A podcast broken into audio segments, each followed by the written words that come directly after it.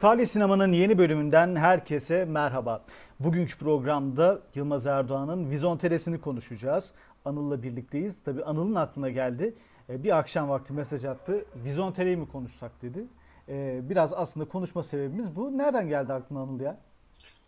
Ya arkadaşlarla filmler üzerine konuşuyorduk da yani bir e, Türkiye'den bir film önermemi istediklerinde Vizontele geldi aklıma ilk çünkü benim en sevdiğim yerli film. Bence en iyi yerli film.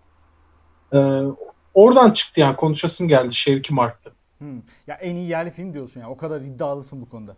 Benim için öyle. Yani en iyi tabii ki kendime göre diyorum subjektif olarak. Tabii. En sevdiğim diyeyim ya da en sevdiğim yerli film bu. Hmm. Şimdi tabii Vizontere'yi muhtemelen bu kaydı izleyen birçok kişi daha önce izlemiştir. Ee, özellikle yani Türkiye'de bir hitap ettiğimiz kitleye bakınca Vizontere'yi kaçırmış olması da pek imkan yok gibi. Ama biz yine de klasik özetimizi vererek başlayalım. Ee, bir kasabaya e, televizyonun geliş öyküsünü anlatıyor 1974'te. Tabii 1974'te Türkiye'nin şartlarını da e, ayrıntılı bir şekilde ele almaya çalışıyor film. E, ve e, yani Türk sinemasında da önemli e, noktalardan biri bir tarafta. Çünkü yeni ve modern bir anlatıma geçerken e, pek çok akılda kalıcı diyalog diyelim. Pek çok oyuncunun belki de parlaması için iyi bir imkan sağlamış. Yani ben özellikle e, tekrar konuşmak için izlediğimde onu fark ettim. Bugün hala e, konuşmalarımızda Vizontere'nin diyaloglarını falan görebiliyorum bazen. Bence bu bir film için çok önemli ve zamandan çok bağımsız olarak hayatımızda yer almasını da sağlıyor. Her ne kadar seninle biz geçen sene, e, geçen sezon Türk sinemasındaki o melodram mı diyelim, kalabalık aile filmleri mi diyelim, o filmler üzerine sıkı eleştiriler getirsek de oradaki replikler de bugün konuşmalarımızda zaman zaman iz bulur. E, Vizontele'de öyle bir film. Dönemin bence iyi klasiklerinden biri. Artık gerçi 20 yılla doldurdu neredeyse. E, ve biz bugün Vizontele'yi konuşacağız. Başla bakalım Anıl. Ee, senin özetinden başlamak lazım esasında. Özetlerken hani bir kasabaya televizyon gelmesi dedin. O bence çok şey söylüyor şu açıdan. Ee, tek bir karakter yok bize hikayesi anlatılan. Evet. O, bir karakter bereketi var neredeyse yani. inanılmaz sayıda karakter var ve hepsi çok iyi. Hı hı. Hepsinin neredeyse küçük küçük e, arka plan hikayeleri bile girip çıkıyor hikayeye. Ve normalde bu işte sinemada yani bir senaryo nasıl olur, bir dramatik anlatım dili nasıl yaratılır, nelere değinilmeli, işte bir filmin içinde hangi sahneler olmalı, hangileri olmamalı, işte hikayeye hizmet etmiyorsa olmasın denir ya. Hı hı. Şimdi hikayeyi bir karakter üzerine kurmadığı için hani belki biraz Deli Emin'in hikayesi gibi gözüküyor olabilir ama değil esasında. E, Değil tabii. Ee, Deli Emin'den uzaklaştığı ve eksenini kaybettiği için değil. Çünkü film hakikaten filmin öznesi bir kasaba. O yüzden de filmin içerisinde böyle küçük sapmalar olduğunda atıyorum şey sahnesi ba- bambaşka bir filmde çok kötü durabilir işte. Şafak Sezer bekliyor çocuk geliyor dövüşlü film var mı abi diyor. Siktir git diyor. O kadar kısa bir sahne ki 5 saniye bile olmayabilir yani. Araya girip çıkıyor mesela bu sahne. Hiç rahatsız etmiyor ama. Normalde hani hiçbir şeyle alakası yok diyebilirsin ama bütün karakterler neredeyse hikayenin başrolü gibi olduğu için Bir anlamda da öyleler zaten. İnanılmaz bir şey yaratmış ya. Ben başka böyle filmler muhakkak vardır ama aklıma gelmiyor şu an.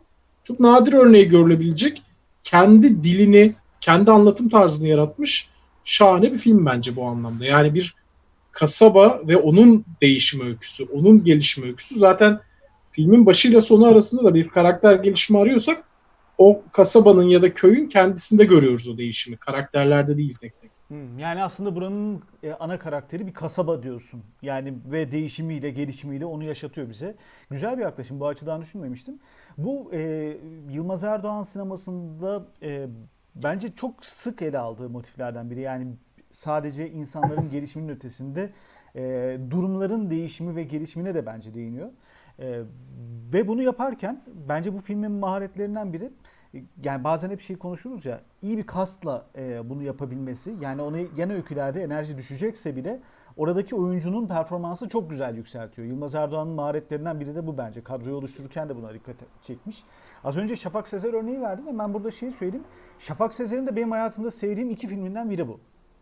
Diğeri de Gora. Diğeri? Gora. İyi var Kolpaçino dersin diye düşünmüştüm. yani e, dün onu o geldi aklıma. Şafak Sezer'in oynadığı bir filmi vermişim falan diye düşündüm. Şaka bir yana e, yani her oyuncunun Yo Şafak, Şafak Sezer iyi oyunculuk yapıyor böyle işlerde bence. Gora'daki oyunculuğu da çok iyi. Kendi yazdıklarını ben beğenmiyorum ki onun da çok alıcısı var gerçi. Evet evet alıcısı var. Yani e, işin tabii şey kısmı e, Şafak Sezer kısmı bir yana her karakterin kendi gelişimi kasabaya çok güzel uyum sağlıyor. Ve bunu biraz daha tabii bizim burada konumuz bugün Vizonte'de. Ben e, bizim konuşmamızın ardından Vizonte'de Tuğba ile izledim. İki filmi bütünleştirip karakterlerin de ilk filmin başından son filmin sonuna kadar o değişimi e, çok güzel anlatılıyor. Yani birbirini tamamlamış da. O konuda Yılmaz Erdoğan iyi de bir e, senaryo yazmış. Mesela ikinci filmde de karakterler işte burada açık bir şey varsa ki ben pek olduğunu zannetmiyorum. Bir e, devam filmine kapı açarak bitmedi zaten film. Ama çok güzel tamamlamış. Bu da bence iyi bir maharet. Tabii bizim konumuz ilk film. Yeniden ilk filme dönelim. Şimdi e, biraz aslında o karakter değişimlerinden bahsedelim. Madem buna girdik. E, şehir değişiminden bahsettik. Ne dersin? Şöyle anlatabiliriz onu. E, madem karaktere kasaba dedik orası Hı hı. bütün olarak değişiyor. Yani orada bir sosyolojisinde bir değişiklik gözlemliyoruz.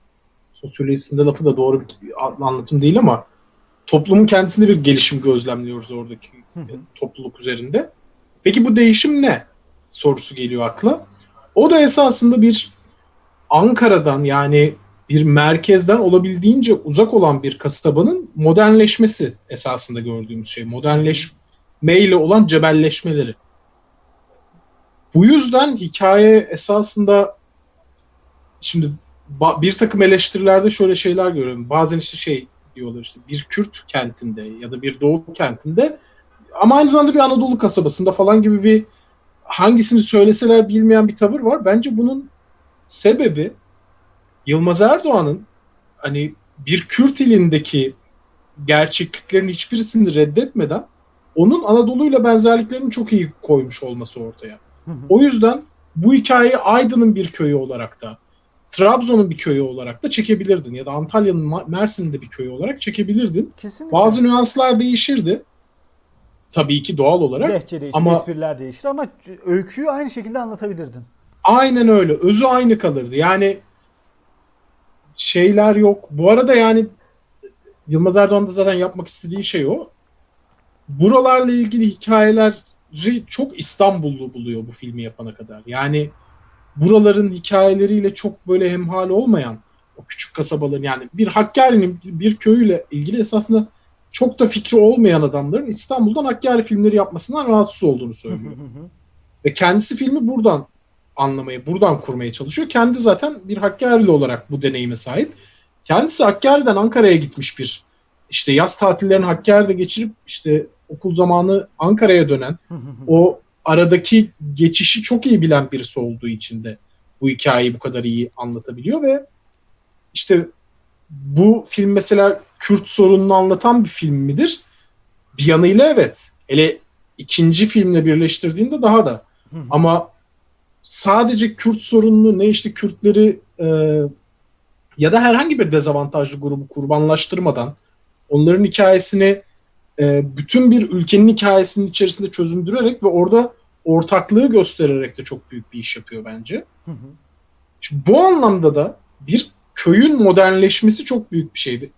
Çünkü Türkiye modernleşmesiyle ya da genel olarak e, modernleşmenin merkezinde olmayan ülkelerin modernleşmesiyle ilgili bir meseleyi görüyoruz. Yukarıdan aşağılık var.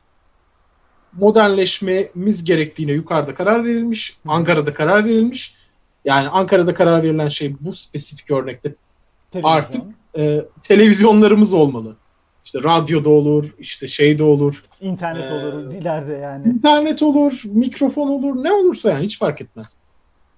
Modernleşmemiz gerektiğine karar veriliyor. O modernleşmenin ekipmanı buraya tayin ediliyor. Yani televizyonun tayini çıkıyor Hakkari'ye. Ve Hakkari'ye geliyor televizyon ve onu anlam dünyasına sokamıyor. Yani ilk televizyon galiba 45. dakikada falan giriyor olması lazım şeye. Galiba. e, Tam dakikasına filme. bakmadım Yani ama baya baya sonrasında geliyor. Tabii. 45-50'dir. Ve orada mesela çok sevdiğim bir an var. Yani Nazif Bey radyonun önüne bir resim koymuş, fotoğraf koymuş. onu seyrediyor ve diyor ki ya bunun resimlisi de hakikaten çok güzel olur. Evet. Yani mevzuyla o kadar alakası yok ve hiçbiri bilmiyor işte. O yüzden o bütün komik diyaloglar çıkıyor. Bir yandan da karakterlerin hiçbirisi yapmacık değil. Çünkü yani daha doğrusu şöyle söyleyeyim. İyi ve kötü karakterler çok keskin değiller. Tabii tabii. Yani yani- Nazif Bey'in de o mesela televizyonu kurma ısrarının arkasında işte e, neydi diğer karakterin adı? Ee, Lüt- Lütfü müydü ya? Lütfü olabilir. Emin değilim. Bu e, Her neyse, o sinema eşinin- sahibi. e, evet, kardeşinin eşi. Sinema sahibini esasında ya o bir siyasi rakibi onun. Siyasi rakibine ekonomik bir darbe vurmak için televizyonla bu kadar cebelleşiyor esasında. Bu arada bak daha ilginç bir şey söyleyeyim. Ee, şimdi ilk filmde ya şeyi mesela ikinci filmin sonunda onu daha çok söylüyorsun. Bu çocuklar hep birlikte büyüyüp orada birbirlerine giriyorlar. Hepsinin ilk filmde belki de birlikte olmalarını görüyoruz. İkinci filmde bu siyasi re- rekabetin adı da konuluyor mesela o Nazif'le Lütfü'nün arasında. E İşte Tabii partileri o- belli evet, oluyor. Partiler belli oluyor falan yani. Bu geçişleri o kadar güzel anlatmış ki. Bu arada şey diye söylemeyeyim. Seni düzeltme maksadında aslında anlatıldığı yer Hakkari ama öykünün geçtiği yer Van'ın Gevaş ilçesi bildiğim kadarıyla. Evet, Heh, şey e, öykü Öykü öykünün- Gevaş'ta- ya, ya- filmin geçtiği Ha, yer film yavaş. Gevaş'ta çekiliyor. Olay Hakkari'de Evet. aslında. Yani şey Evet. çünkü e, o virgülde koyalım sonra bir gün çok izleniriz derler sırf Hakkari konuştular. Film Van'da çekildi. Ekşi demek Ama Hakkari hikayesi. Tabii Bize ne kardeşim? Midsommar'da şeyde geçiyor. Nereydi? E, e, İsveç. İsveç'te geçiyordu galiba ama Budapeşte de çekildi. Bir sürü Amerikan filmi burada çekiliyor hatta yani. Bunun bir önemi yok bence. Tabii tabii. Ee, ya e, işin tabii geyikli yanlarından biri o da. Ee, Yılmaz Erdoğan bence karakter yaratma konusunda bu filmde çok çok güzel işler yapıyor. Gerçi e, Yılmaz Erdoğan sinemasında ben bunu çok seviyorum. Diğer filmlerine de bakınca bunu çok net görüyorsun. Yani mesela dedik ya bu mekanın değişimi e, organize işlerde de mesela bir grubun değişimini yine çok farklı karakter öyküleriyle e, çok net anlatıyor. Direkt birincil bir karakter yok gibi. Orada da bir sürü birincil karakter var. Yılmaz Erdoğan bunu güzel yapabiliyor bence. Ee, birkaç karakteri ana karakter gibi konumlandırıp onlara çok güzel hikaye katmanlandırıyor. Yani biz Tabii şeyler de öyle. E, tiyatro oyunları da öyle. Bir demet Tabii. tiyatro da öyle. biz bir tarafta ya işte bu biraz tiyatrodan gelme de bir yetenek. Yani şey ama şunu görüyorum ben. Ee, mesela Vizontele'yi şimdi ben gerçekten filmi e, sonda söyleyeceğim başta bir söyleyeyim. Filmi çok beğeniyorum. Ama mesela 10. izleyişim falan belki de 6-7 yıldır da izlememişim. Yani bir dönem tüketmişim. Şimdi bugün 2020'den o filme baktığımda bir tarafta şunu gördüm. Şimdi bu karakter değişimlerini falan çok güzel anlatıyor Yılmaz Erdoğan ama mesela bu e, yanılmıyorsam ilk sinema deneyimim. E, tiyatrodan sonra. E, sonrasında işte organize işleri çekiyor. Vizontele Tuğba'yı çekiyor. Ekşi Elmaları, Kelebeğin Rüyası falan filan bir sürü filmi var. Burada biraz şeyi fark ettim. Karakter yaratmada yine çok iyi ama diğer filmlerine göre daha amatör kalmış gibi hissettim. Bu arada bizim sinemamız Hangi filme göre mesela? yani mesela bence şeye göre e, ekşi yani karakterlerin anlatımında falan öykü anlatımında ekşi elmaların, kelebeğin rüyasının e, ya da e, organize işlerin daha başarılı olduğunu düşünüyorum. Bu arada bu film çok güzel. E, hani şey olarak söylemiyorum. Mesela e, bu filme sonunda ben işte 8 falan vermeyi planlıyorum. Spoiler kendimizle ilgili. E, ama mesela karakter yaratımı falan zayıf da desem bence Türk sinemasının ve modern sinemanın çok üstünde Türkiye'deki. Onu söyleyip Yılmaz Erdoğan kendini çok aşmış. Yani Yılmaz Erdoğan sineması içinde diyebilirim. Belki de daha zayıf kalmış. Çünkü belli, bir şeyde şunu hissediyorum. E, tiyatro ile sinemanın geçişini e, tam başta verememiş gibi geliyor. Ben öyle bir hissiyatta uyandım. Yani karakterler biraz daha mesela e, şeyi hissediyorsun. Karakterleri anlattığı yerler, karakterlerin esprileri skeçler halinde filme dağıtılmış. Bunu mesela sonraki filmlerinde çok daha yumuşak ve çok daha öykünün için mesela Vizontele Tuğba'da bile o değişim fark ediyorsun. Çok daha öykünün içine ezdiriyor. Bunda biraz daha mesela bir Demet Tiyatro'dan işte o Otogargara'dan falan gelen o karakter yaratma yetisini e, öykünün içinde böyle skeçlere yedirmiş. Sinema diline Yılmaz Erdoğan'ın daha yeni geçişi olduğu hissediliyor. Yani Ben hiç katılmıyorum buna. Hatta Hı hı. tam tersini düşünüyorum. Bir şablondan değerlendiriyorsun. İşte mesela Hı hı. film skeçlere ayrılmış diyorsun. Bunun da yanlış bir şey olması gerektiği Yok, filmin bir film skeçleri ayrılmış demiyorum bu arada. ya filmdeki- skeç gibi yerleri var Heh, evet demedin mi? espriler belli espri e, öbekleri. Mesela hangisi diyeyim sana örnek vereyim. Ee, bir evde sırma saçla rakı içtikleri sahne var mesela. Sırma saçın orada espri yaptığı. e, o espri yapınca kimse gülmüyor. Ee, diğerleri espri yapıyor işte yaşlılık üzerine bir espri hatırlarsın. Sen artık yaşlandın, zombi oldun, Tabii, tabii. cumhuriyet kurulmuş muydu senin zamanında falan filan Osmanlı vardı. Mesela o sahne Yılmaz Erdoğan'ın sonraki filmlerinde çok daha öykünün içinde çok daha profesyonelce yedirilmiş. Bu bu arada kötü değil bak. Diğer sinemamızın çok önünde ama e, Yılmaz Erdoğan sinemasının gerisinde olduğunu düşünüyorum. Ben tam tersini düşünüyorum dediğim gibi bir şema var ve o şema şunu söylüyor. İşte skeçler halinde olmamalıdır. Bir filmde hiç ekstra bir şey olmamalıdır. Her şey hikayeye hizmet etmelidir gibi bir şeyi söylüyor. Bu şeyin ekonomisi açısından, hikaye anlatımının ekonomisi açısından geçerli bir şey. Ben bu fikre hiç katılmıyorum. Zaten hani bu çıkarımın kendisi yapılan filmler.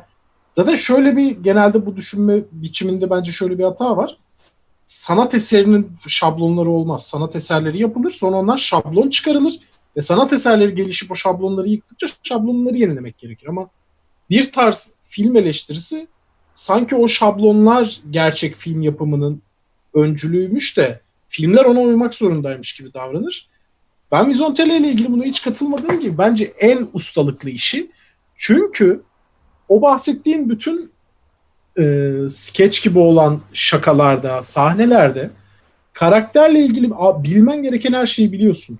Yani şeyi düşün mesela bence yine başarılı bir film. Kelebek, Kelebeğin Rüyası. Aha.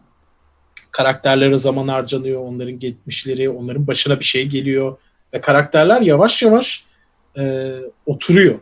Ama burada karakterin başına komik bir an geliyor. O anlamda ekonomik olarak filmden hiçbir şey kaybetmiyorsun. Komedi filmi olduğu için gülüyorsun. Ama karakterle ilgili her seferinde bir şey de öğreniyorsun.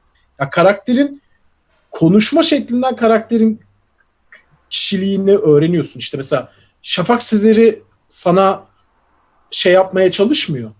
Ee, yaratmaya çalışmıyor sana Şafak Sezer'in karakterinin ne olduğunu.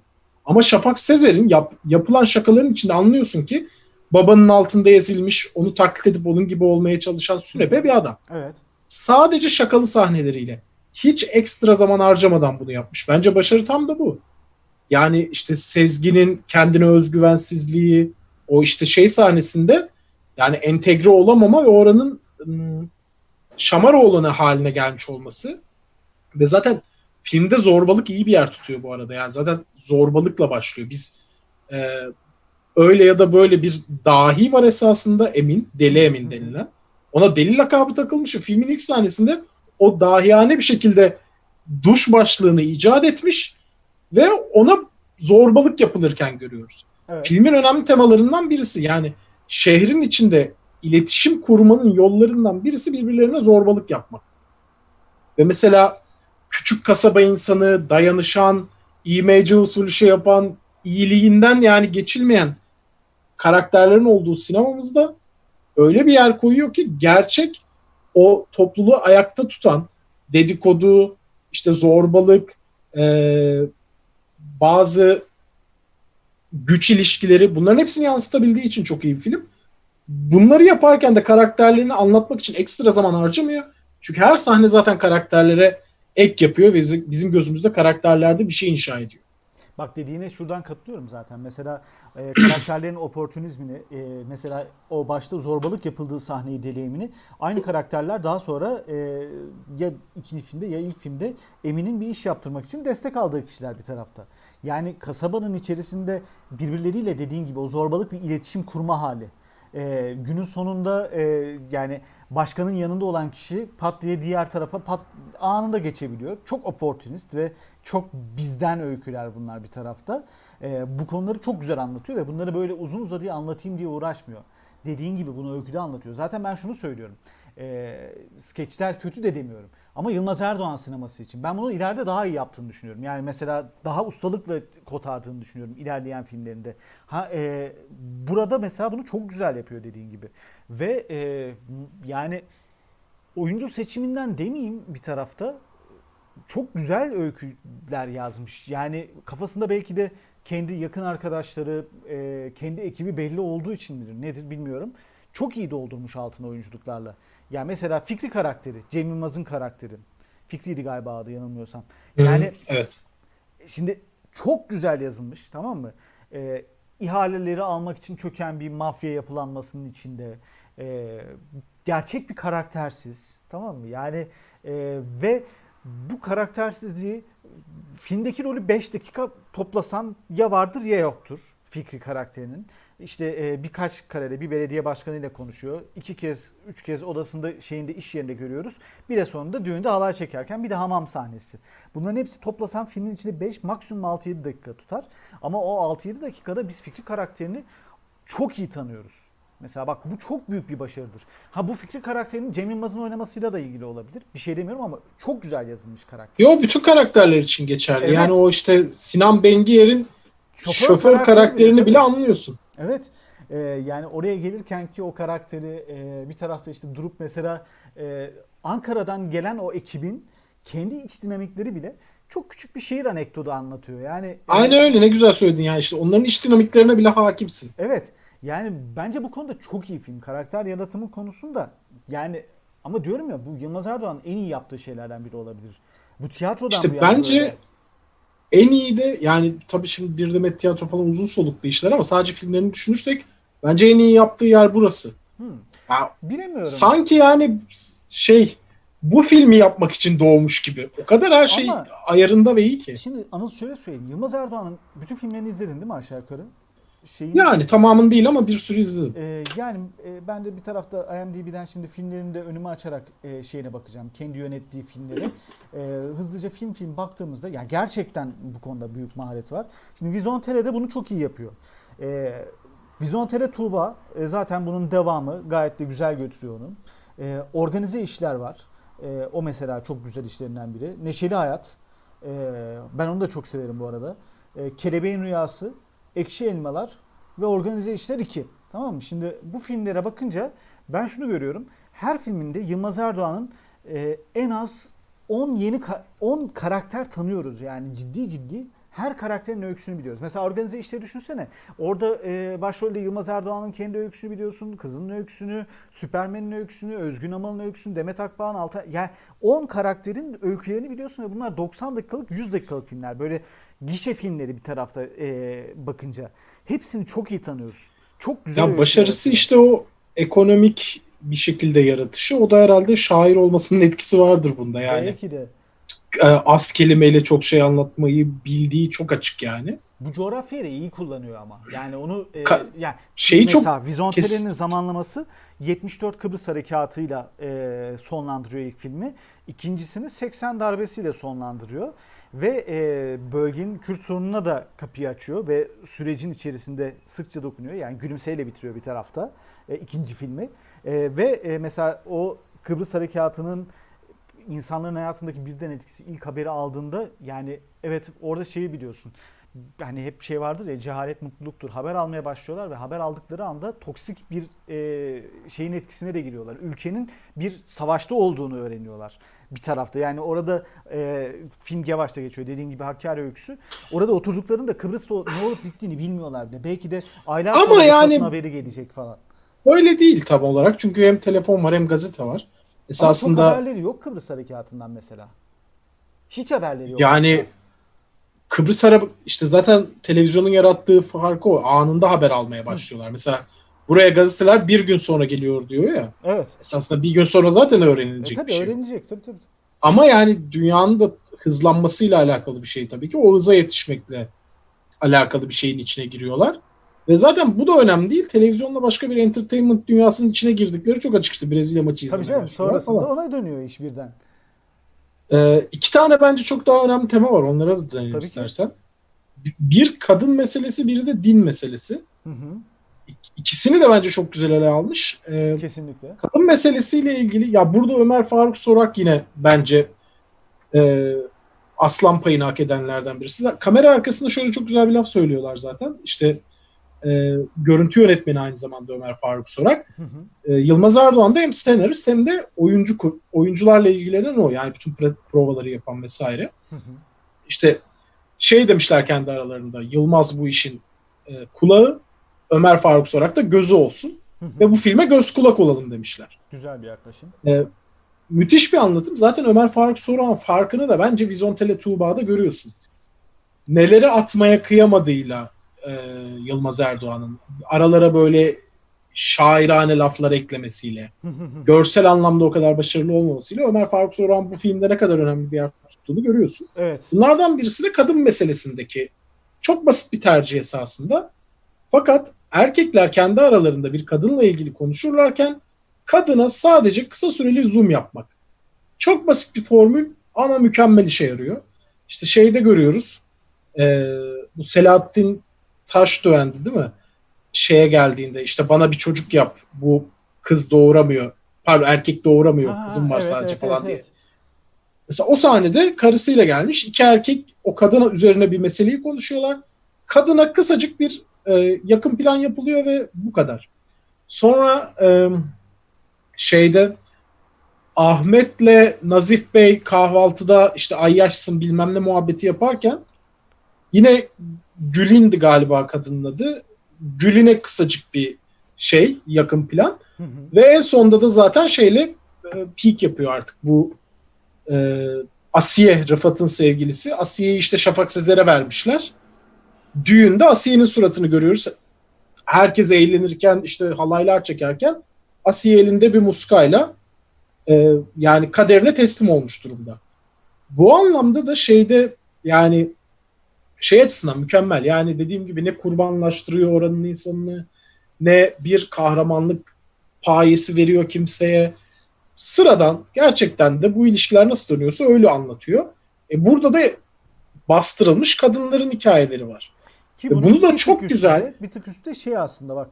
E, upgrade olmuş kadınlar belli bir yaştan sonra belki de yöreyi e, bilerek söylemiyorum bunu ama mesela Demet Akbağ'ın karakteri ve kardeşinin karakteri de biraz daha e, ailede sözü daha dinlenen karakterler. Belli bir şeyden sonra o seviyeye gelmiş karakterler halini görüyorsun. Onların da mesela karakter olarak burada ikinci filme kıyasla çok daha güçlü ve e, var olduklarını da söylemek gerekiyor o zaman söylediğine ek olarak. Öyle ya bizim orada bir laf vardır. Avrattan korkmayan adamdan korkulur diye. Ee, tabii ki de öyle güçlü bir figür haline gelen kadınlar var. Yani Yılmaz Erdoğan'ın kendi babaannesi öyle çok güçlü bir kadın ama onlar da genelde bu filmde çok görmüyoruz karşılığını belki ama başka kadınlar üzerinde kurduğu hakimiyetle zaten o düzenin bir parçası oldukları için o kadar da güçlülerdir bir yandan. Yılmaz Erdoğan'ın babaannesinin rolü de odur yani. Gelinlerine kan kusturmuş bir kadın. Çünkü gücünü gösterebileceği alan orası. Ee, işte bu arada işte o iki kardeşin birbirlerine yaptıkları zorbalık City ile diğer kadının Evet. işte düğünde gelip şey yapmalar falan filan. Ee, kadın meselesini bu anlamda böyle hikayenin hiçbir zaman merkezine almadan küçük anlarda çok güzel işlemiş. İşte şey de öyle karpuzcunun karısı. Hı hı. Yani Evet, karpuzcu muhabbetinde çok net bir sahne var orada yani. Yani kadının gelip şey demesi işte yani ben demek ki kadınlık vazifemi yerine getiremiyorum o yüzden kendime bakmaya karar verdim demesi falan. Bunlar çok güzel şeyler hani şey değil film. Orada bir köy var uzakta şirin. Okey bizim köyümüzdür, şirindir, insanı merttir bilmem ne. Yok bütün şerefsizliğiyle, bütün yanlışlarıyla, kusurlarıyla, her şeyiyle ortaya dökülen bir insan. O yüzden bence kadın meselesine bu anlamda hikayenin ana merkezi olmadığı için hiçbir zaman tam olarak böyle uzun vakit harcamıyor orada. Ama çok yeri geldiğinde küçücük işte sinematik hamlelerle e, şeyini gösteriyor. Peki o zaman ben sana şunu sorayım. Ee, diğer konuya geçmeden önce ikinci e, ikinci filmi de hatırlarsın. Tabii şu anda izlemedin, hakim değilsin. Ee, ben bu sabah izlediğim için hani şeyi söyleyeyim. Bu söylediğin evet ilk filmde kesinlikle var ama ikinci filmde yok bence. İkinci filmde örneğin e, bak bu şey değil ama hani e, kadını arka plana etme değil ama ikinci filmde Demet Akbağ'ın rolü de olmak üzere e, kadınlar yok gibi neredeyse. Daha erkekler üzerinden giden bir öykü var. Bu bilinçli bir tercih olmayabilir. Ama ilk filmde mesela kamera kullanımından dolayı bu farkındalık yaratılmış olabilir. İkinci filmle ilgili var mı böyle bir tespitin? Hatırlamayabilirsin. Hatırlamıyorum. Hah, hatırlamayabilirsin. Yani şey tabii fark ettiriyor. Üzerine konuşalım diye filmi izleyince daha bir dikkat kesiliyor insan. Ee, o yüzden şey bir şey diyemeyeceğim. Yani Vizontele Tuğba izleyeli çok oldu tabii. Yani e, ben mesela hemen orada şeyi söyleyeyim. E, ikinci filmde bu yok. Hatta bunun dediğim gibi Steve karakteri üzerinden görüyorsun. E, yani işte bir iki karede Asiye'yi görüyorsun falan. Kadın karakterler çok fazla yok. Zaten e, o ikinci filmde Tuğba karakteri şehirden gelmiş ve daha orayı anlamaya çalışıyor, daha e, tanımaya çalışıyor falan. Ama mesela bu derinleştirme öyküsü yok ki diğer e, tema mesela ilk filmde e, çok daha e, etkin bir şekilde görüyoruz. Yine çok kısa belki 4-5 dakikalık e, sahnelerle bütün filmin anahtar gidişatını değiştiren karakterlerden biri Erkan Can. E, orada e, Evet. yani mesela televizyonu, yeniliği, şeytanlaştırma konusunda kafasında bir görüşü oportunist ve e, bir tarafta e, bir sonraki filmde politikacı olarak göreceğimiz Latif e, oraya bir toksik e, alan saçıyor. Yani bu şeytanın icadıdır. Buna engel olman lazım diyor. Ve bütün filmin kaderinin kırılgan sahnesini en iyi gösteren anlardan biri o. Bence de öyle bir de yani filmin genel olarak dinle konumlanması da bence Türkiye tarihi hakkında da bir şey söylüyor. Yani şu an içinde bulunduğumuz durumla alakalı da. Neticede işte 2001'de çekilmiş bir film yani AKP iktidara gelmeden hemen önce diyebiliriz. Ve 70'leri anlatan bir film. Ee, bu ikisinin birleşiminden esasında bize bir şey söylüyor. Şu- Bugün AKP'nin kurduğu söylem üzerinden düşündüğünüz zaman bir orada uzakta bir takım kasabalar, bir takım kentler olduğu ve o kentlerde insanların tamamıyla dine bağlanmış, e, dinle arasında çok güçlü bir bağ olan, hayatı din üzerinden gören insanlar olduğu anlatımı, hatta böyle olmayanların da halkın bir parçası olmadığı, hainler olduğu vesaire söylemi inşa edilmiş durumda. Bu film esasında attığı bakışla bize o kasabaların da hala ne kadar sıradan olduğunu anlatıyor esasında. Yok böyle bir din anlayışı, yok böyle bir zaten dine bağlanma şekli. Dünyanın hiçbir yerinde yok eğer bir manastıra kapanmıyorsanız ya da e, herhangi bir şekilde bir tapınakta ömrünüzü geçirmiyorsanız. Dinle zaten hiçbir halk böyle bir ilişki kurmuyor. Dinle ilişki her zaman ihtiyaç dahilinde, arzular dahilinde, bazen onun etkisiyle başka şeyler de olabilir ama gündelik hayatı o kadar etkileyen, gündelik hayatın ana parçalarından birisi olan bir şey değil öyleymiş gibi davranmayı herkes sever bu arada.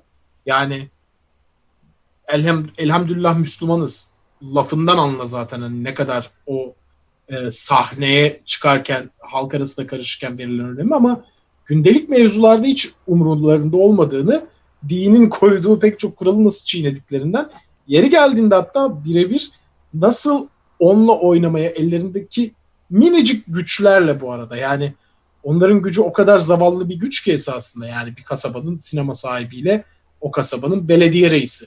Hı hı. Hiçbir önemi olmayan iki tane adam esasında bir anlamda. Büyük ölçekte. Ama o küçük yerde bile e, bunu nasıl kullanmaya çalıştıkları işte Nazif Bey'in meselelere bakışı o daha zaten sosyal demokrat kanada yakın olduğu için ya gönderme şu çocukları Kur'an kursuna ne anlıyorlar bunlar diyor. Ama esasında bir problemi var o Kur'an kursuyla ve dine yaklaşımla ilgili. Ve kendi evinde e, karısı dine başka bir şekilde yaklaşıyor ve çocukları o etki altına alıyor. Es- esasında istemediği şey o dini etkinin hiç olmaması fakat onun söylenebileceği sınırlar var. O yüzden de minik bir itirazı başka bir açıdan yapmak zorunda kalıyor o toplum baskısı sebebiyle diyelim. Hı. Öbür tarafta Nazif zaten tam yani tam bir Türkiye, tam bir Türkiye sağcısı. Gidip işte kendi ekonomik çıkarlarını korumak için din adamını ikna edip din adamı da zaten Lütfü, lütfü. E, Nazif dedin de. Nazif şey bizim Altan Erkekli. aa pardon Lü- Lütfü müydü? Latif, Latif. Hep karıştı. Ay Latif Latif tamam Latif. E, Latif işte o Mela Hüseyin'e gidip e, ikna ediyor. Ve bu arada yine Ömer Faruk Soran tercihleri arasında Mela Hüseyin şeyin televizyonun bir şeytanın icadı olduğunu Sityana'ya söylerken kadraj ters tarafa gidiyor Evet. ve ka- karanlıkta kalıyorlar. Arka taraf aydınlık. Yani o burada bir dolap çevriliyor. Görsel olarak ancak bu kadar güzel anlatılabilirdi. Yani o açıdan işte Ömer Faruk Soran ne kadar başarılı bir yönetmen olduğunu e, ya yönetmen deyince bizde biraz şeydir ya kendi hikayelerini anlatan özgür ruhlu sanatçı. Halbuki yönetmenlik bir meslek ve e, gelen hikayeyi en iyi şekilde anlatabilme becerisi bence. Ömer Faruk Sorak da bunun çok çok iyi örneklerinden birisi. O yüzden de hani genel olarak kasaba halkının çocuklar dahil dinle kurdukları ilişkiyi göstermesi benim çok hoşuma gidiyor bu filmde. Şimdi ikinci filmde bak bu, bunu o zaman tamamlayacak bir şeyle e, burayı bu, bu konu başlığını kapatalım. İkinci filmde şöyle bir şey var. Bu bizim e, bu birinci filmde habire rakı içen karakterimiz vardı ya. E. Aa, zaten bu filmin sonunda da camiye gidiyor. Evet. E, ikinci filmde çok dindar biri oluyor. Ve e, şeye bizim Nazif Bey'e gelip diyor ki ya çocukları sürekli rakı masasında oturtuyorsun. Ne biçim bir adamsın sen diyor. Ki Nazif Bey'in de orada söylediği şey yani bütün kasabaya içecek kadar rakı içtin. Şimdi sen mi bize burada din öğreteceksin diye e, onu gönderiyor. İkinci filmde çok daha kritik bir sahne var. Şimdi bu ilk filmde hani Mele Hüseyin'e gidip e, Latif'in e, bir şeyler söyleme sahnesi var ya yani diyor "Ç- televizyon şeytan icadıdır. İkinci filmde Latif askere gidiyor tamam mı komutana. E, kütüphaneyi kötülerken diyor ki şimdi 2004'te çekiliyor ikinci film bu arada. E, yılı da önemli. Diyor ki e, kütüphanede diyor çok tuhaf şeyler oluyor diyor. Komutan soruyor ne oluyor falan diyor. Ya kadınla erkekli gitmişler diyor gün boyu oradalar diyor. Komutan bakıyor e, burada ne sorun var gidebilirler diyor. Sonra Latif hemen şey yapıyor diyor ki ya bence de ben baktım bir sorun yok orada ama diyor anarşistler ve komünistler de orada diyor. Şimdi bir damardan yok diyor. Geleceğe gidiyor e, Latif. E, sonra orada baktı yol yok. Yani bu üçüncüsü çekilse üçüncüsünde o yoldan gidecek bu arada. İnternetin Keşke çekse bu arada. Değil mi? değil mi? İnternetin gelişini kasabaya anlatır belki falan. E, üçü, e, gidiyor anarşistler ve komünistler bir arada diyor. Komutan ha o zaman sıkıntı var diyor.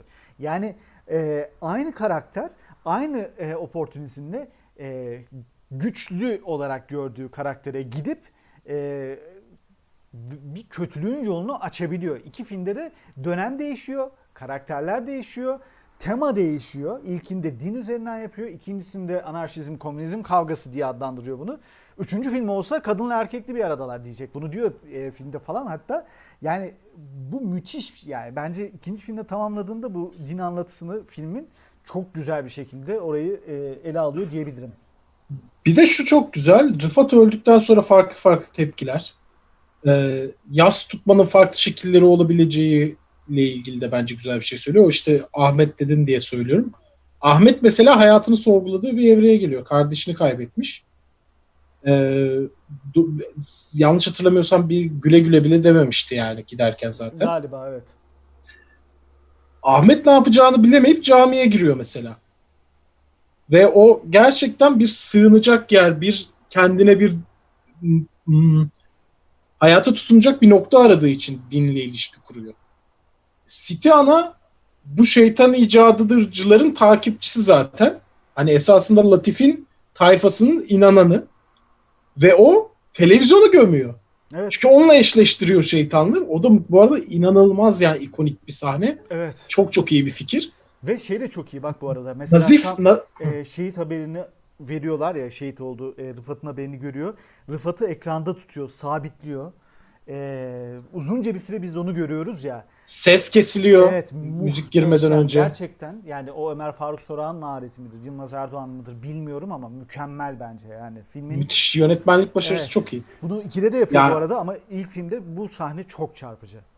Yahşi Batı'yı da Ömer Faruk Sorak yönetmişti değil mi? E, olabilir. Sen şeye bakarken ben hatta ona bir bakayım. Sanırım oydu. Orada da böyle bir bu filmin sonunda şey yapıyor ya Evet, işte evet, evet, evet. e. salondan çıkıyor kamera işte farklı odalara giriyor işte kadın e, kadının kustuğunu görüyoruz. Orada yeni bir hayat geliyor. Bebek sahibi olacak. Sonra öbür odaya geçiyor. Nazif Bey kendisini rakıyla teselli ediyor. içiyor. E, sonra en yukarı çıkıyor. City Ana o yıldızların altında namaz kılıyor. Onlar falan da çok görsellik olarak, hikaye anlatımı olarak, filme yakışma anlamında çok iyi. Yahşi Batı'da da buna benzer bir teknik kullanmıştı mesela. E, çok iyi yönetmen hakikaten bu açılardan. Bize yani Ha bu arada Yılmaz Erdoğan'la ilgili de şunu da söylemek lazım. Abi adamın yaptığı hiçbir şey filmde sırıtmıyor ya. Hı hı. Yani bu dibine kadar bir komedi filmi. Televizyon hikayesi anlatıyor. 45. dakikaya kadar ortada televizyon yok. Televizyonla işi bittiği anda da o yani alabildiğine komedi olan film bir anda inanılmaz bir drama geçiyor. Evet ya. Ve sarsıyor gerçekten. E zaten o Yılmaz Erdoğan hani kendi de söylediği bir şeydir. O BKM'nin harcı neredeyse olan şey. E, dramayla komediyi harmanlamak. Hatta daha doğru bir ifadeyle komediyi dramatik bir yerden çıkarmak. Ve o dramanın üstüne gitmeyi gidebildiği yerde de oradan geri durmamak. Orada çok cesur bence. Yani böyle bir komedi filmini böyle bir sonla bitirmek çok cesur bir hareket. Evet. Ama o çok iyi işliyor. O da yani ben sanatın öyle olması gerektiğini düşünmem. Öyle olduğunu düşünenler de var. Hani glo, glokal dedikleri bir şey var ya. Hem evrensel olup hem de lokal olabilmek. Buranın şeylerini evrensel değerlerle ve evrensel yöntemlerle anlatabilmek. Ama buranın hikayelerini anlatabilmek. Ben sanatta öyle bir zorunluluk görmüyorum. Fakat bu türün en iyi takipçilerinden birisi olabilir. Yani şu anlamda. Bu ülkenin harçlarından birisi hakikaten mizah. Yani herkes şaka yapıyor, herkes gülüyor, herkes birbiriyle eğlenme şekli. Bu mizahın şekli de birazcık zorbalık esasında. Arkadaş gruplarında birbirlerine laf sokmak üzerine herkesin birbirine laf soktuğu. Senle benim içinde olduğum arkadaş gruplarında da var. Tabii. Ayrı ayrı arkadaş gruplarımızda da vardır. O mizah türü de bu filmde var.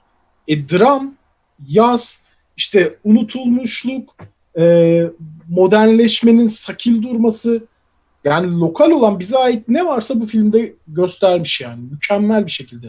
Yani bunu ifade e, etmiş. Bunu şeyde de çok iyi yapıyor gerçekten. İkinci filmde de mesela çok güzel komedi olarak gidiyor ki ikinci filmin komedisi bundan daha zayıf onu söyleyebilirim ama hikaye anlatıcılığını ben daha güzel buluyorum. İkinci filminde mesela son yarım saatinde inanılmaz vurucu bir drama döndürüyor işi. Yani e, belki de daha bizim neslimizi ilgilendirdiği için daha e, işte birçok şeyini konuştuğumuz için daha çarpıcı bir finale doğru götürüyor.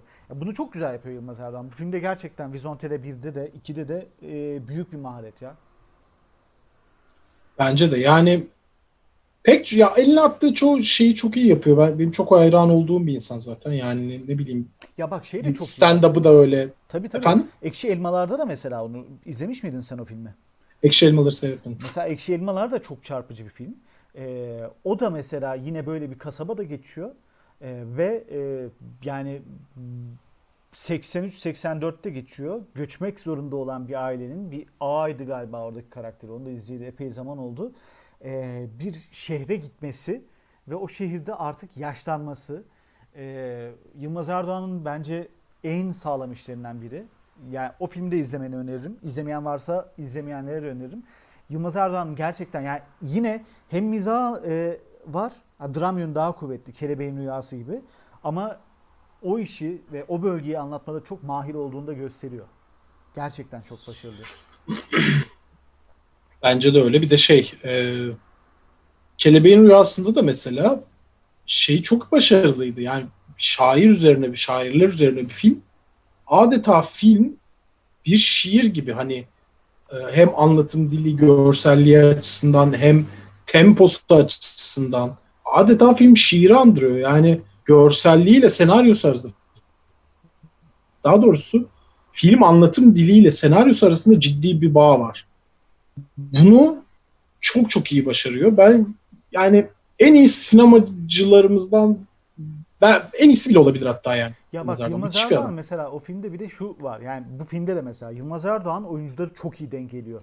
Şimdi e, mesela Kelebeğin Rüyası e, Kıvanç Tatlıtuğ'un en popüler olduğu dönemlerden birinde yapıldı. Çok Ama- iyi oynuyor mesela. Heh, Kıvanç Tatlıtuğ o zamana kadar oynadığı bütün karakterlerden çıkardı.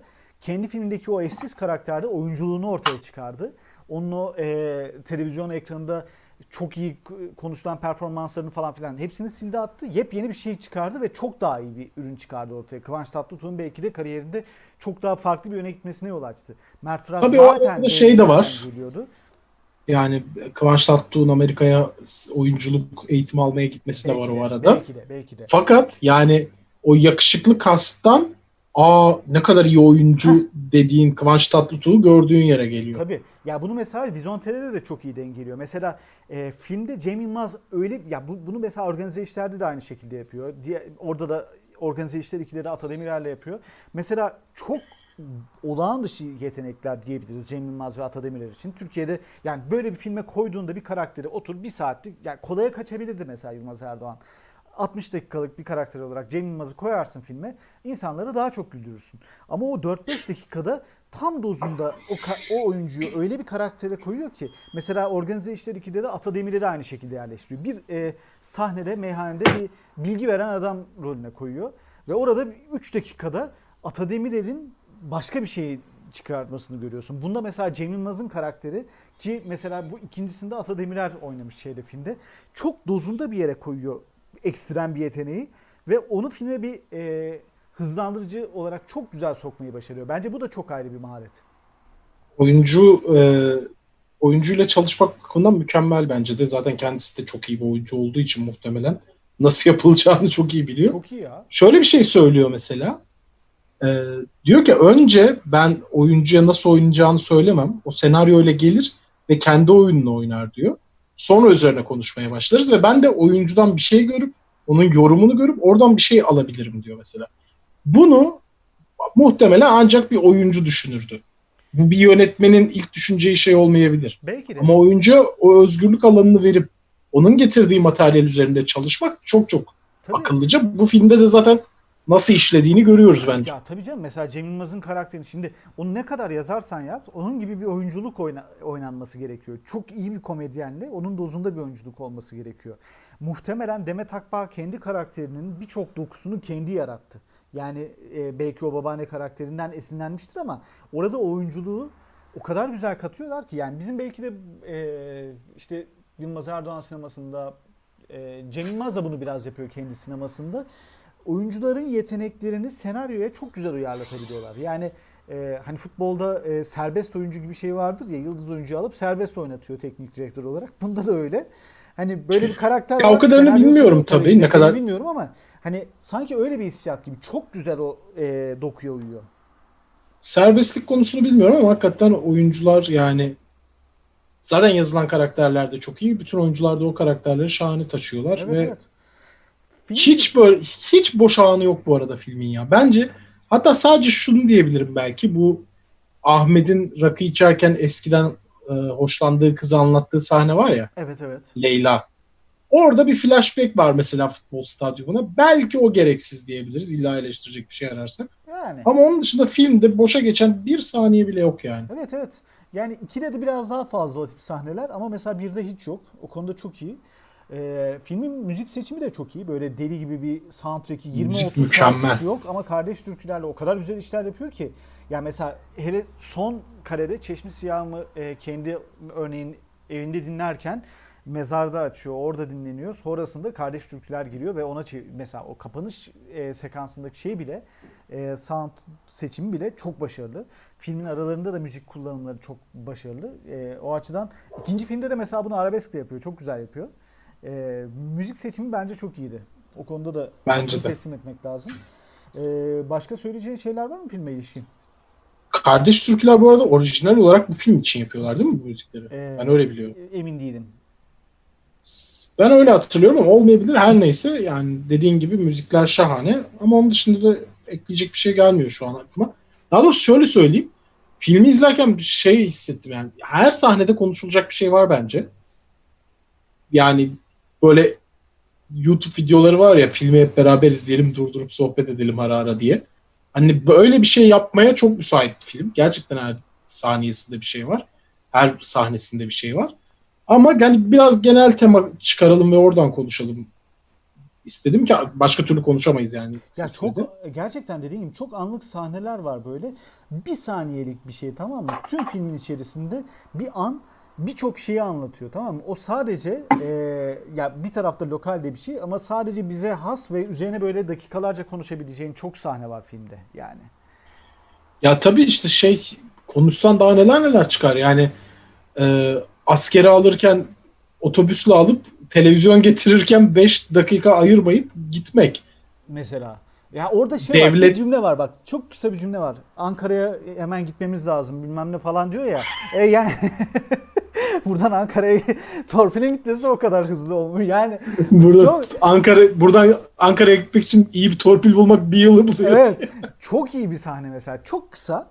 Yani devletle olan yani. ilişki yani devletin vizontelesini yakmak, devletin en ufak bir basamağında olan insanların burnundan kıl aldırma hiç mesela Sezgin yani ezik bir karakter ama belediye başkanının sekreteri olmak üzerinden bir kendine dünya inşa etmeye çalışıyor. Evet. Devletle kurulan ilişki bilmem ne.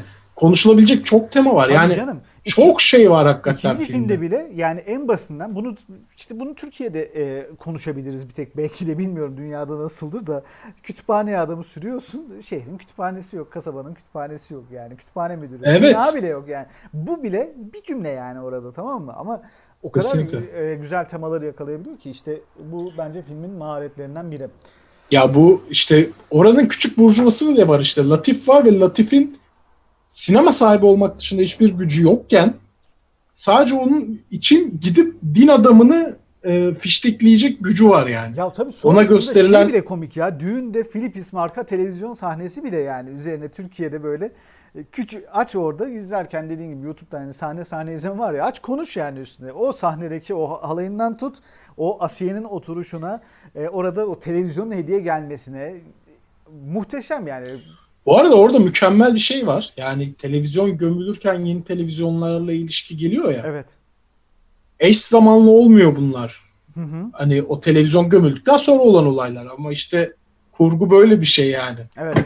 evet Tam da evet, o evet. kurguda bir tane televizyonu gömerken Ya şey- artık hayatın vazgeçilmez parçası haline gelişini de Tabii göstermiş tabii. oluyorsun. Ya şey esprisi geldi işte aklıma. Ya o bile e, bu filmin şeyi e, kapatmadan onu da mutlaka konuşalım. Bu filmden hani dedim ya en başta akılda kalan e, inanılmaz replikler oluyor hayatımızda sürekli kullandığımız şeyler. Yani mesela bu şeyi televizyonu daha çıkıp e, vericiyi kurmaya çalışıyorlar. Ya orada mesela e, iç espriler bile çok iyi. Yani o karıncalar sahnesi de çok beğenilince devamını çekmişler herhalde. Ha Yani bunu söyle.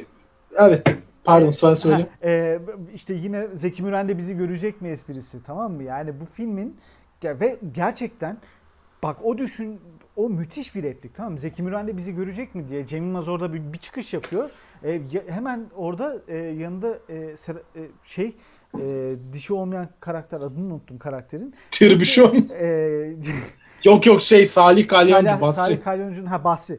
E, mesela o bile orada diyor ki ya her akşam Yok Cazım. e, her akşam diyor bizi gö- görecekse diyor devlet adamı var bir şey var takım elbiseyle oturmamız lazım evde diyor. Bu üzerine gerçekten e, dakikalarca konuşabileceğim bir şey ve biz bu esprileri bütün hayatımız boyunca Zeki Müren bu- bugün hala yaparsın bu espriyi belki görürsün yani karıncaların devamını çekimi. Çok iyi bunlarda.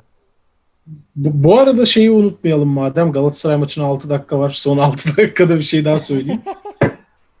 Bu altın erkeklinin insan memleketini neden sever konuşması. Aa evet. Yani mükemmel bir konuşma ama onu ona değinmeyeceğim. Şey geldi aklıma. Ee, bu Great Dictator'de sonunda Charlie Chaplin'in yaptığı konuşma. Hı hı. Mesela o konuşma o kadar kötü bir konuşmadır ki. Yani filme uymaz. Yani şey hissiyatı verir. Yani bütün filmi bu konuşmayı yapmak için çekmiş belli ki Bu hissiyat arada verir. şeyi de söyleyeyim. O, o konuşmanın sürekli Twitter'da dolaşıyor olması ve filmi sadece ona indirgemesi de çok ayrı. bir şey. Bence hem çok kötü bir konuşma hem de filmin en kötü anı zaten. Yani inanılmaz kötü. Zaten işte komedyenler bazen ciddi bir şey yapmaya kalktıklarında böyle tepe taklak olurlar.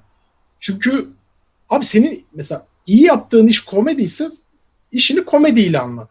Çünkü öbürünü yapmakta o kadar mahir değilsin belli ki. Ama Yılmaz Erdoğan hem hikayenin çok doğru bir yerinde yapıyor. Onu o konuşmayı dinlerken bir an bile şeyi hissetmiyorsun yani. Şu an filmi bıraktı ve bize bir şey anlatıyor. Hiç yok. O konuşma orada yapılırdı hissiyatı var.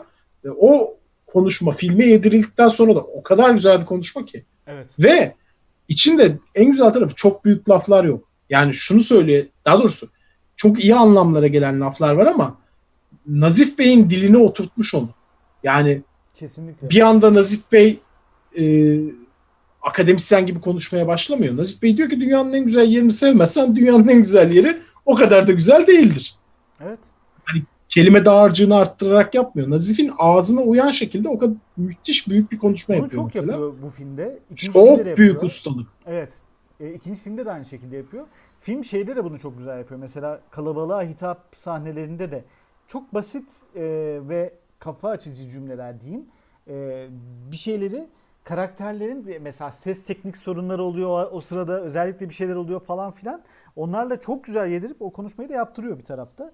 E, ve çok basit cümlelerle yaptırıyor dediğin gibi. Yani böyle özel bir e, açıp kitaptan cümlelerle yaptırmıyor. Çok basit, çok sade cümleyle. Abi, bu arada küçücük bir şey. Ee, mikrofona, telefona ya da megafona konuşanlar hepsi bağırıyorlar mesela. Filmde hiç altını çizmemiş. Ama bu aletlere olan inancın henüz gelişmediğiyle alakalı. Çünkü şöyle bir hikaye var biliyor musun bilmiyorum. Aşık Veysel Ankara'daki TRT stüdyolarına çağrıldığında şey diyorlar işte. Sen bu mikrofona şarkını söyleyeceksin ve bunu her yerden duyacaklar Türkiye'de diyorlar. Ve Aşık Veysel sazına inanılmaz vurup bağırarak şarkı söylemeye çalışıyor. Çünkü sesini duyurması gerektiğine inanıyor. Aleti tam olarak kavrayabilmiş durumda değil. Bu filmde de kesinlikle altını çizmeden filme yedirdikleri müthiş bir detay yani. Çok çok da zeki bir şey. Evet ya. Daha çok şey var konuşulacak da bitirelim artık. Hem bir saat olduk. Hem dediğin Tabii. gibi maçlar başlıyor. Tarihi sinema maç başlayınca biter. Aynen öyle. e kaç veriyorsun? 9. 9. Güzel. Ben 8 veriyorum.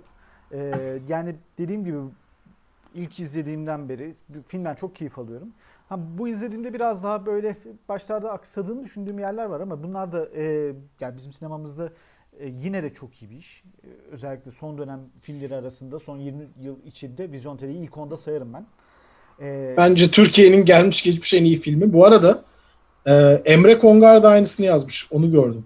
Yani ilk çıktığında yazmış muhtemelen o. Yeni bir yazı değil. Ama ilk çıktığında direkt herif bir kere sinemada izleyerek demiş ki bu Türkiye'nin yapılmış en iyi filmidir. Ee, yani bilemiyorum onu o çok iddialı bir söz ama ben mesela son 20 yıl sinemasında ilk konuma çok rahat sokarım. Ee, başka Ya ne var başka ilk ona diyecek kadar? Aa, çok film var ama bu süreçte ya son 20 yılda. Yani bir oturup mesela? düşünmem lazım da e, mesela birinci sıraya ne koyarım? Ya ciddi ciddi bir düşünmem lazım. Bunun alt, e, bunu hatta Okey düşün bunu bir, sonraki, programımızda. konuşalım. Hatta bak bir programda belki de şey yaparız. Ee, böyle bir spesifik spesifik film üzerinden gitmeyiz de bir tür üzerinden, e, bir janr üzerinden belki de bir top 10 yaparız falan öyle bir şey de konuşabiliriz. Bir değişiklik Olabilir, olabilir, yani. bakalım. Böyle bir şey de yapabiliriz bir gün. Neyse noktalayalım o zaman. Ee, senden 9, benden 8 aldı. Ee, zaten çok sevdiğimiz bir filmdi. Ee, ikincisi de çok güzeldi. Ben dediğim gibi sana Ekşi Elmaları da öneririm. Ee, diğer filmlere de e, Yılmaz Erdoğan'ı zaten birçok kişi izlemiştir. Ee, bunlarla noktalayalım. Ee, bizi YouTube'dan e, takip etmeye devam edebilirsiniz. Abone olun. e, bunu söyleyelim. Bir yandan bu bölümün podcast'ini Mediapod'dan dinleyebilirsiniz. E, yakın zamanda o da e, podcast yayınlanacak. Spotify'dan, Spreaker'dan, Google, Apple Podcast'ten hepsinden dinleyebilirsiniz. Twitter hesabımızı açtık biliyorsunuz Tali Sinema. Onu da takip etmeyi unutmayın. Bunları böyle sayınca bir saat daha konuşulur. Biz noktalayalım ama bitirelim. Senin ağzına sağlık Anıl. Haftaya Görüşmek üzere. üzere diyelim. Hoşçakalın.